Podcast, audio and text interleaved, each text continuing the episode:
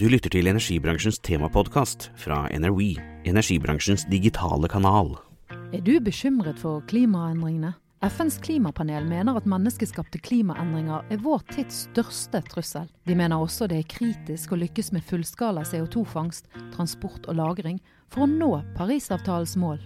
Jeg heter Cecilie Svabø, og jeg jobber i NOE, energibransjens digitale kanal. I en podkastserie på fire episoder ønsker jeg å lære meg mer om hva CO2-fangst, transport og lagring egentlig er. I tre tidligere episoder har jeg lært om CO2-fangst fra avfallsanlegg, CO2-fangst ved produksjon av sement og CO2-fangst fra naturgass fra norsk sokkel.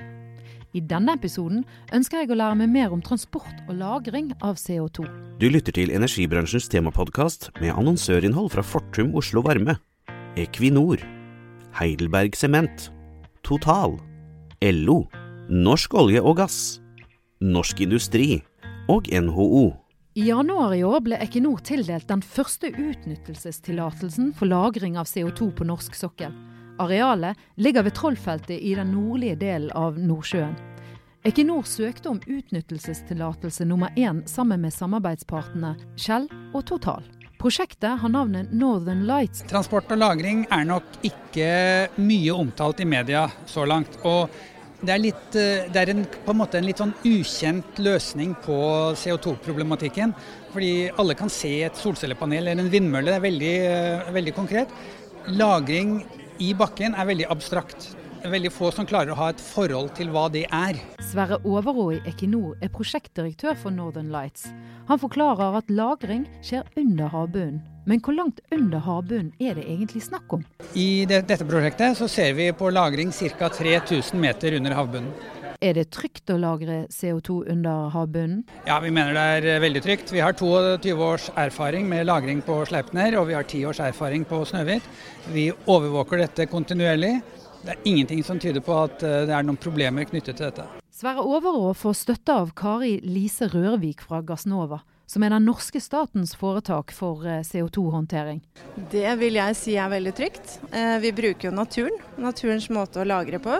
Naturen har gjort dette her i millioner av år med å lagre gass og olje, og vi bruker samme prinsipp. Nå er jo ikke jeg akkurat en ekspert på geologi, men vil ikke trykket påvirkes dersom man pumper CO2 inn under havbunnen? I et, en stor akvifer som vi skal lagre i nå, så er det dette med trykkoppbygging eh, egentlig ganske lett å kontrollere.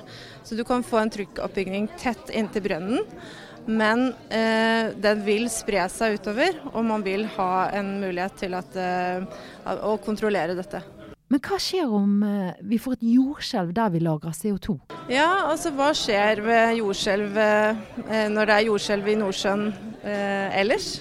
Vi har jo ikke store utblåsninger av verken olje eller gass på norsk sokkel pga. jordskjelv.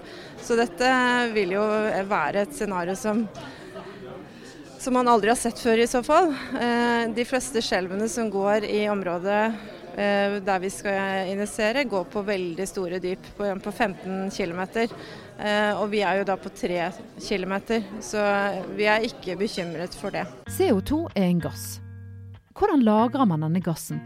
Pumper man den inn i store hulrom som man stenger igjen? Nei, vi lagrer altså CO2-en med å pumpe det inn i sandstein.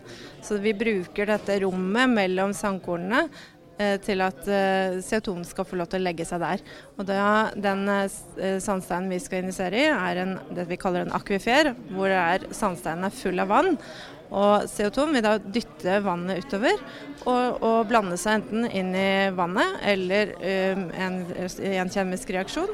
Den vil binde seg med uh, sandmineralene, eller den vil følge, den, følge topografien til sanden. Så det er flere forskjellige måter CO2 fanges i, men inne i hullrommene mellom sandkorn. Men la oss si at man lykkes i å fange CO2 et sted i Europa, og at man skal lagre denne CO2-en under havbunnen i Nordsjøen. Hvordan skal man transportere denne CO2-en fra fangststedet til lagringsstedet? Det vi ser nå i første fase, er at det å bruke skip, som vi tenker på, er en veldig fleksibel løsning. Fordi det løser ut med veldig lav kostnad det å kunne levere CO2 de store punktkildene, når du snakker om de virkelig store, enten det er kan du si, industriklynger eller større punktkilder, så må vi nok tenke på rørledning. Da, da blir det for mange skip uh, til at det er uh, meningsfylt. Men inntil vi kommer dit, så er det skip vi ser på, og det er en veldig fleksibel løsning. Og skipsteknologi har vi veldig god kunnskap om i Norge. Vi har lang skipserfaring. Så det tror vi er en, en god løsning eh, på kort og mellomlang sikt. Fangst, transport og lagring av CO2 gir store industrielle muligheter for norske bedrifter. Og det kan skape opptil 70 000 nye jobber frem mot 2050, ifølge en studie fra Sintef. Vi spør Sverre Overå om hvordan han ser på markedsmulighetene når det gjelder transport og lagring. Det vi ser når vi nå har begynt å gå ut og snakke med forskjellige industrier i Europa, det er at det er et betydelig marked uh, i uh, Europa for lagertjenester. Det er ikke noe lager i dag, det finnes ikke noe infrastruktur. Derfor så sitter mulige fangstaktører på gjerdet. De, de, har ikke kompetanse eller mulighet til å få lagret CO2, og da kommer heller ikke fangstprosjektene. Når de nå ser at det blir jobbet med infrastruktur hvor de kan faktisk få levert CO2-en sin inn i et system hvor den blir tatt hånd om på en trygg og forsvarlig måte, så er det stor interesse. Og vi har allerede samtaler med CO2-fangstaktører som vil kunne levere mer enn det vi kan håndtere i eh, vår første fase av prosjektet. Du har nå lyttet til energibransjens temapodkast med annonsørinnhold fra Fortum Oslo Varme, Equinor, Heidelberg Sement, Total, LO, Norsk olje og gass, Norsk Industri og NHO.